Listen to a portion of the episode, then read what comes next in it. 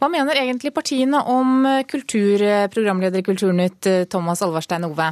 Det skal du selvfølgelig få greie på hos oss, for hver morgen fra i dag og frem til valget skal vi grille partiene på kulturpolitikk.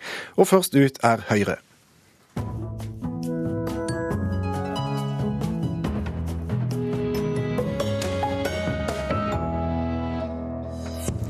Miljøpartiet De Grønne er mest populære blant norske kunstnere, viser ny undersøkelse. Da tenker de ikke mest på kultur, sier fagforeningsleder. Regissør Harald Svart får kritikk for den lave aldersgrensen på sin nye film, men Svart tror 11-åringer tåler det han har å by på. Norsk Form mener kommunene må bruke mer oljepenger på bedre byplanlegging, og ikke bare bygge nye kulturhus. Dette er Kulturnytt i Nyhetsmorgen på P2 og Alltid nyheter med Thomas Alvarstein Ove i studio. Miljøpartiet De Grønne er landets største parti blant norske kunstnere. Det viser en ny undersøkelse NRK har gjennomført. Mens partiet på landsbasis har en oppslutning på rundt 4% sier nesten 22% av norske kunstnere at de vil stemme grønt. Vi har en sang som heter Hei politiker. Hei, politiker. Hør nå her. Nå må dere ta noen avgjørelser. For vi klarer ikke det selv. Bassist i De Lillos, Lars Fredrik Bekkstrøm, veit hvem han vil skal ta avgjørelsene for seg. Nå er det jo blitt uh, mulig å, å, stemme på et parti som setter miljøet fremst, da. da. Da blir jo det veldig viktig. Bekkstrøm er snart klar for en historisk konsert i Oslo sammen med resten av bandet sitt. I tillegg til DumDum Boys, de gjenlevende musikerne i Jokke og Valentinene og deler av Raga Rockers. De fire store i norsk rockhistorie samla for første gang. Og det kommer i stand til ære for Miljøpartiet De Grønne. Jeg tror de aller fleste av musikere, musikerne sympatiserer ganske sterkt med De Grønne. Jeg tror det blir en veldig flott eh, kveld, altså en grønn kveld. Og de fire store er ikke alene i sitt partivalg. I en spørreundersøking NRK har gjort blant 1500 norske kunstnere, er Miljøpartiet De Grønne klare vinnere. Nesten 22% har svart at de vil stemme grønt. Arbeiderpartiet 17,2. Men ikke alle i de kulturelle kretser vil ha grønt styre. Frp 0,8, KrF 0,8. Det var jo interessant. Leder i Musikernes Fellesorganisasjon, Hans Ole Rian, er overraska når han ser hvor mange kunstnere som gir stemma si til De grønne. Det vi er veldig bekymra for, er at de ønsker en oppmyking av eh, opphavsretten. Og de vil åpne for fri bruk og fri flyt på nettet. Og de vil også fjerne mange kunstneres muligheter til smør på brødet. Det er ikke nasjonal talskvinne for Miljøpartiet De Grønne, Hanna E. Markussen, enig i? Uh, nei, uh, for oss er det viktig å sikre inntektsgrunnlaget for uh, folk som jobber med produksjon av kultur. Poenget vårt er at vi må se på om det finnes andre løsninger som ikke, ikke svekker personvernet, fordi personvernet er viktig for et liberalt demokrati. Men vi er sikre på at det er mulig å finne løsninger Eh, som ivaretar begge deler. Det er rett og slett at vi kanskje må tenke litt nytt på hvordan vi sikrer inntektsgrunnlaget. og Derfor ønsker vi en utredning.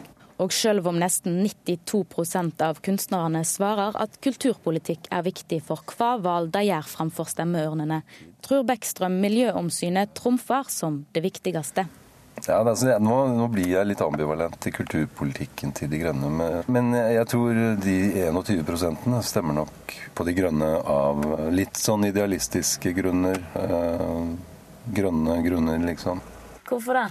Ja, det kan ha noe å gjøre med at kunstnere er øh, ofte lever av fantasien sin. Da, så De innbiller seg at det går til helvete med kloden vår. Så denne Forestillingsevnen er, er, så sterk at de er nødt til å stemme De grønne.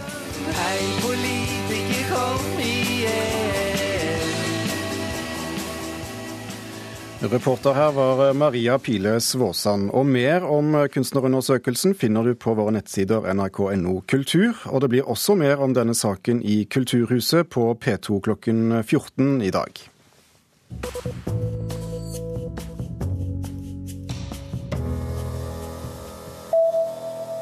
Regissør Harald Svart forsvarer elleveårsgrensen på sin nye film 'Skyggejegerne demonenes by'. Organisasjonen Barnevakten mener filmen er for voldsom for elleveåringer, og tar nå til orde for innføring av 13-årsgrense på norske kinoer. Foreldre på Colosseum kino er enige. Jeg satt vel og stusset litt på deg. Den er helt sånn på kanten. Vebjørn Wærlo har nettopp kommet ut dørene på Colosseum kino i Oslo.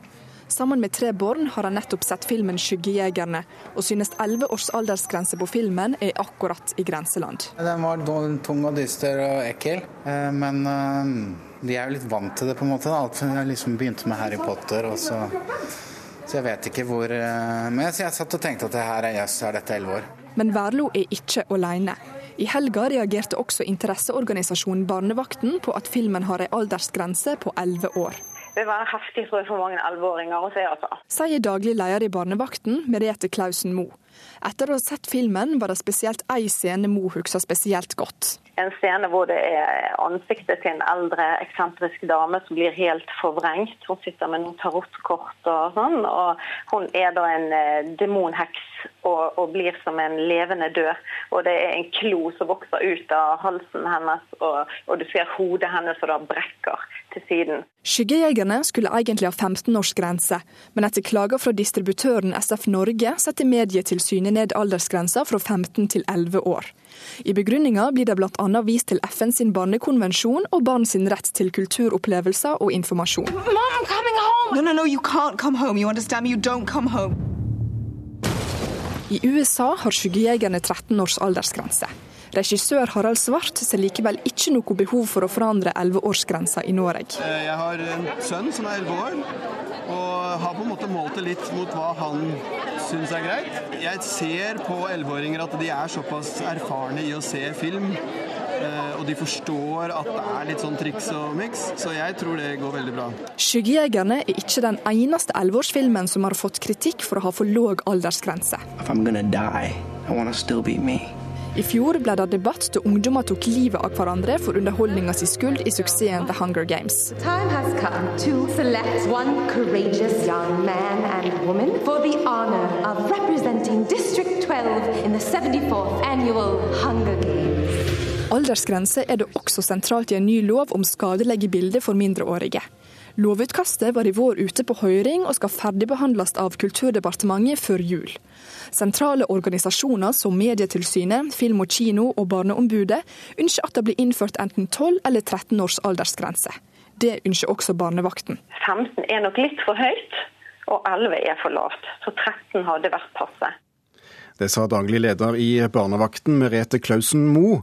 Barneombudet sier de foreløpig ikke har sett filmen, men at de vil vurdere den dersom de får inn en klage. Reporter var Camilla Yndestad.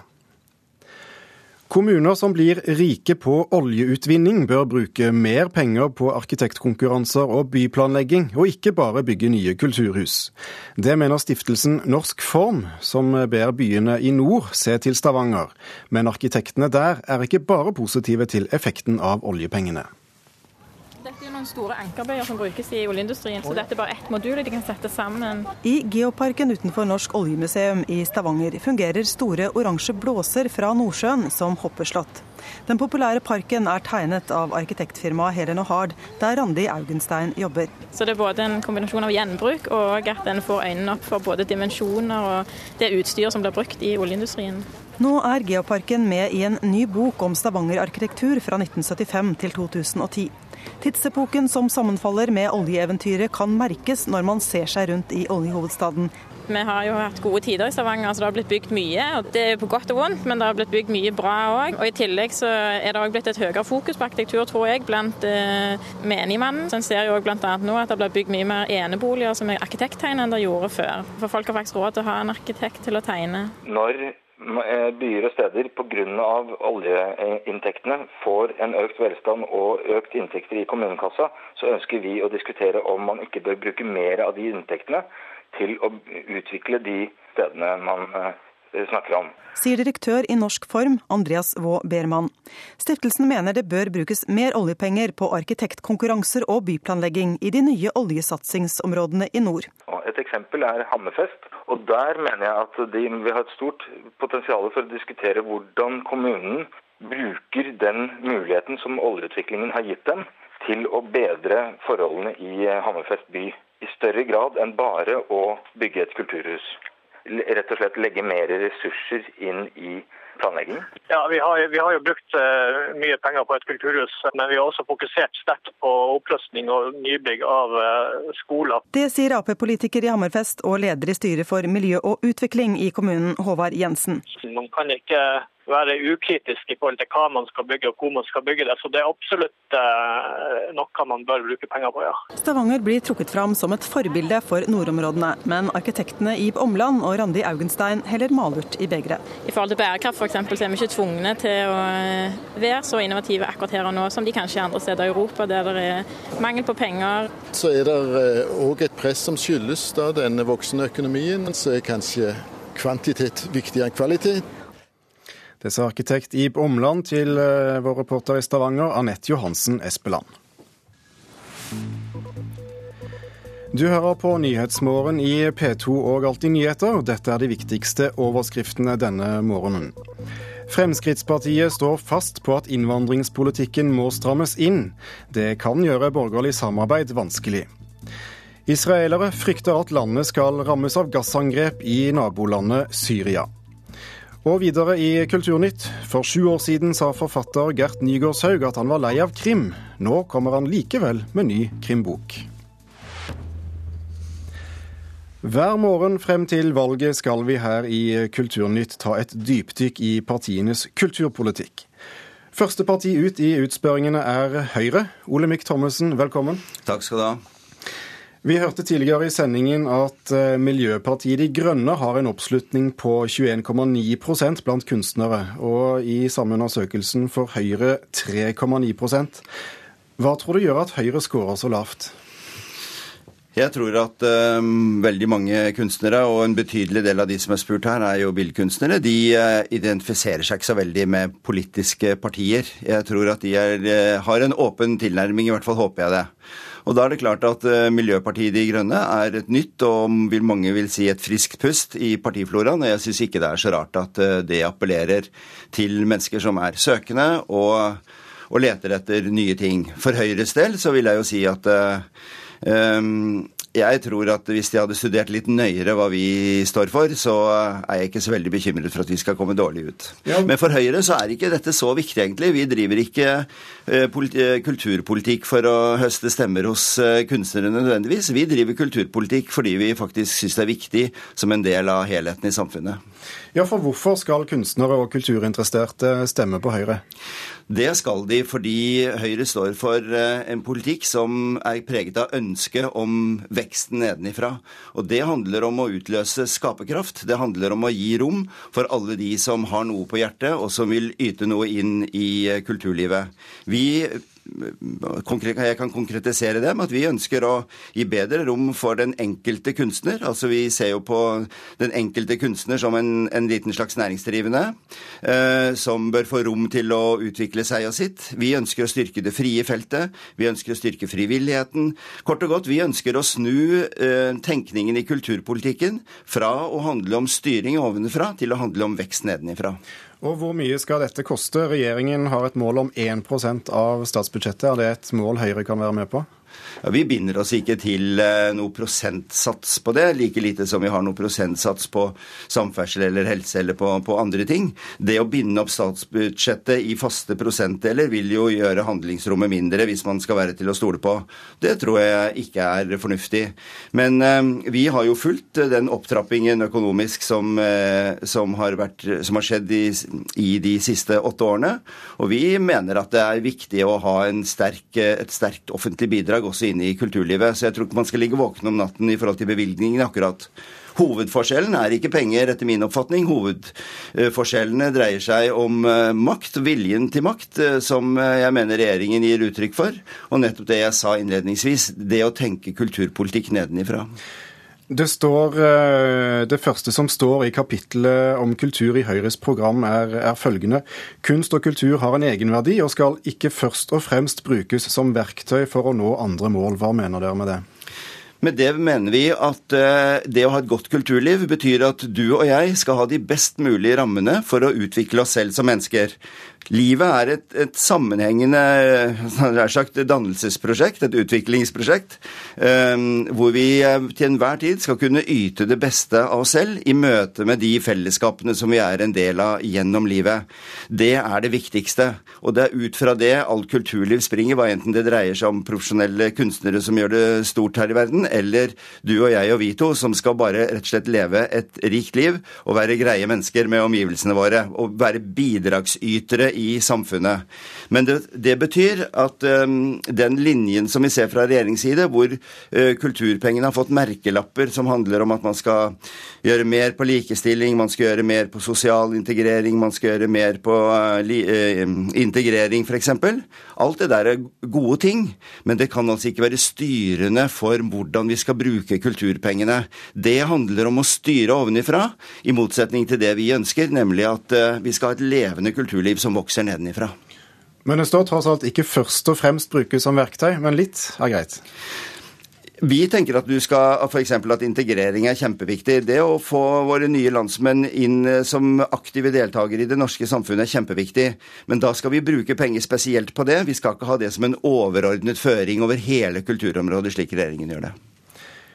Kulturskolen feiret 40 år eh, forrige uke. Eh, under rød-grønt styre har, eh, har, ventelisten økt, og i fjor sto 28 000 barn på, i kø. Hvordan vil Høyre kutte i den køen? Høyre mener at kulturskolene skal være kommunenes ansvar, og vi mener at det er viktig å ansvarliggjøre de kommunale politikerne på det. Så er vi opptatt av ansvarliggjøre lokalpolitikerne? Jo, det handler jo om å løfte statusen for uh, kulturskolene. Og det handler om å legge press på lokale kultur. Og det er jo kanskje først og fremst velgerne som, som bør gjøre i kommunevalg. Uh, har man uh, vi mener jo at den kursen som er valgt for kulturskolene fra regjeringens side, er feil. Fordi det å sluse inn hele klasser i SFO Eh, for på den måten å rydde opp i kulturskolekøene gjennom et dårligere tilbud, det mener vi er å undergrave hele kvaliteten i kulturskolen.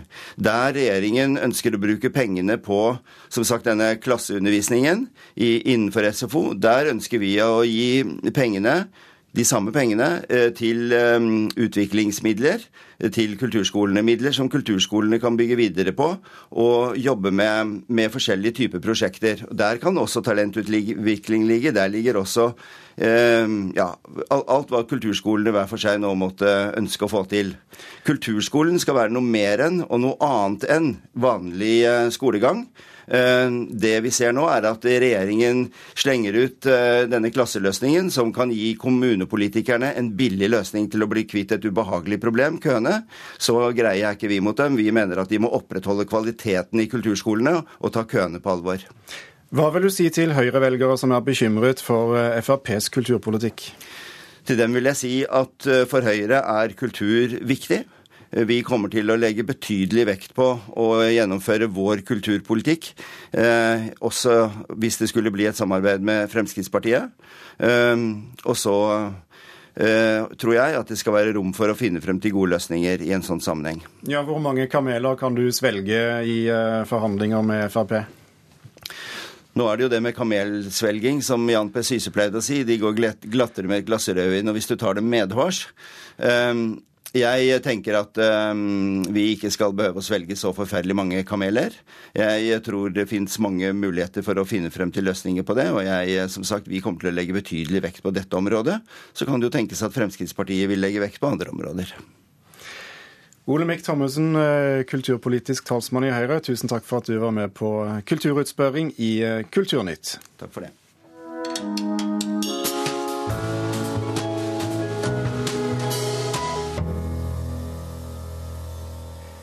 Gert Nygaardshaug lovet i 2006, etter utgivelsen av Rødsonen, at nå fikk det være slutt med krim fra hans hånd. Han sa også at det utgis for mye krim i Norge. Det løftet bryter han nå med utgivelsen av Pergamentet. En underholdende bok, mener anmelder Leif Ekle, men vi hadde klart oss greit uten. Når Gert Nygaardshaug nå har valgt å skrive en kriminalbok til, og det med ingen ringere enn Kripos-etterforsker Skarphedin Olsen i hovedrollen, og Fredrik Drum i en birolle, sitter hans leser igjen med et valg som har med forventninger å gjøre. Skal terskelen for tilfredshet eller skuffelse ligge høyt eller lavt?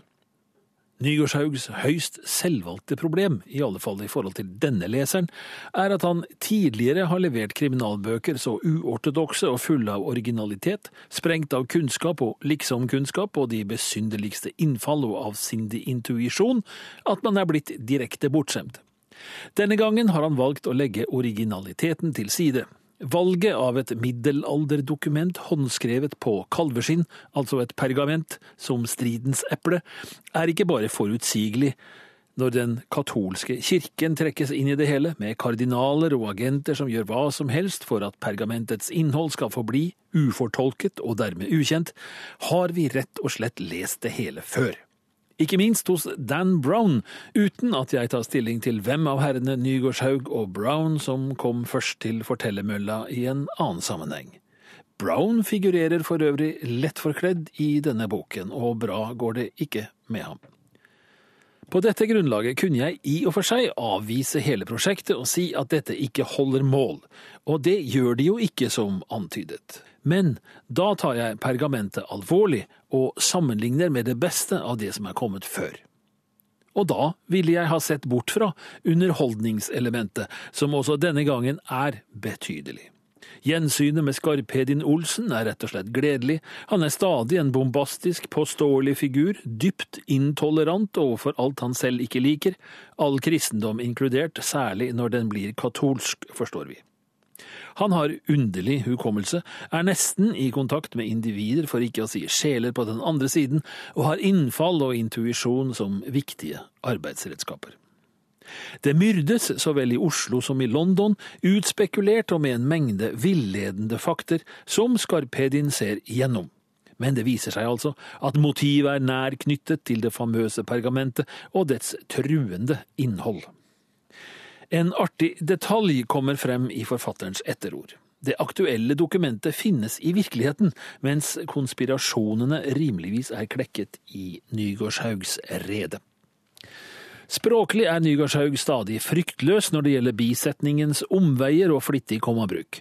Semikolonet derimot, som han tidligere har strødd omkring seg som såkorn, er denne gangen så sjeldent at jeg bare én gang la merke til det. Altså, har man ikke et altfor puristisk forhold til herrene Olsen og Drum, er pergamentet blitt en underholdende og til dels morsom bok. Nødvendig er den imidlertid ikke, på noen måte. Sa vår eh, anmelder Leif eh, Ekle.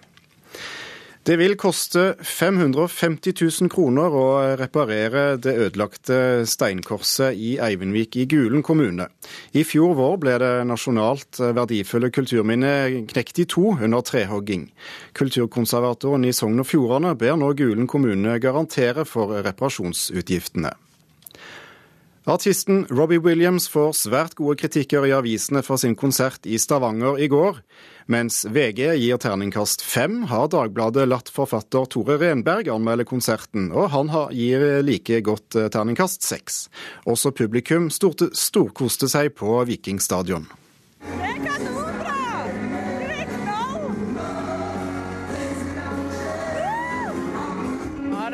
største showet jeg har sett i mitt liv. Det er helt vilt. Ja, det er fantastisk. Vi har vært Vi har vi starta festen allerede i går morges klokka 11. Og holdt på siden. Og er det forunderlig. Kulturnytt uh, runder av. Du har hørt i denne sendingen at nesten 22% av norske kunstnere vil stemme på Miljøpartiet De Grønne. Fagforeningsleder advarer mot at partiet har en lite gjennomtenkt kulturpolitikk. Gjermund Jappé, Ivar Nordahl, Per Ivar Nordahl og Thomas Alvarstein Ove overlater roret til Nyhetsmorgen.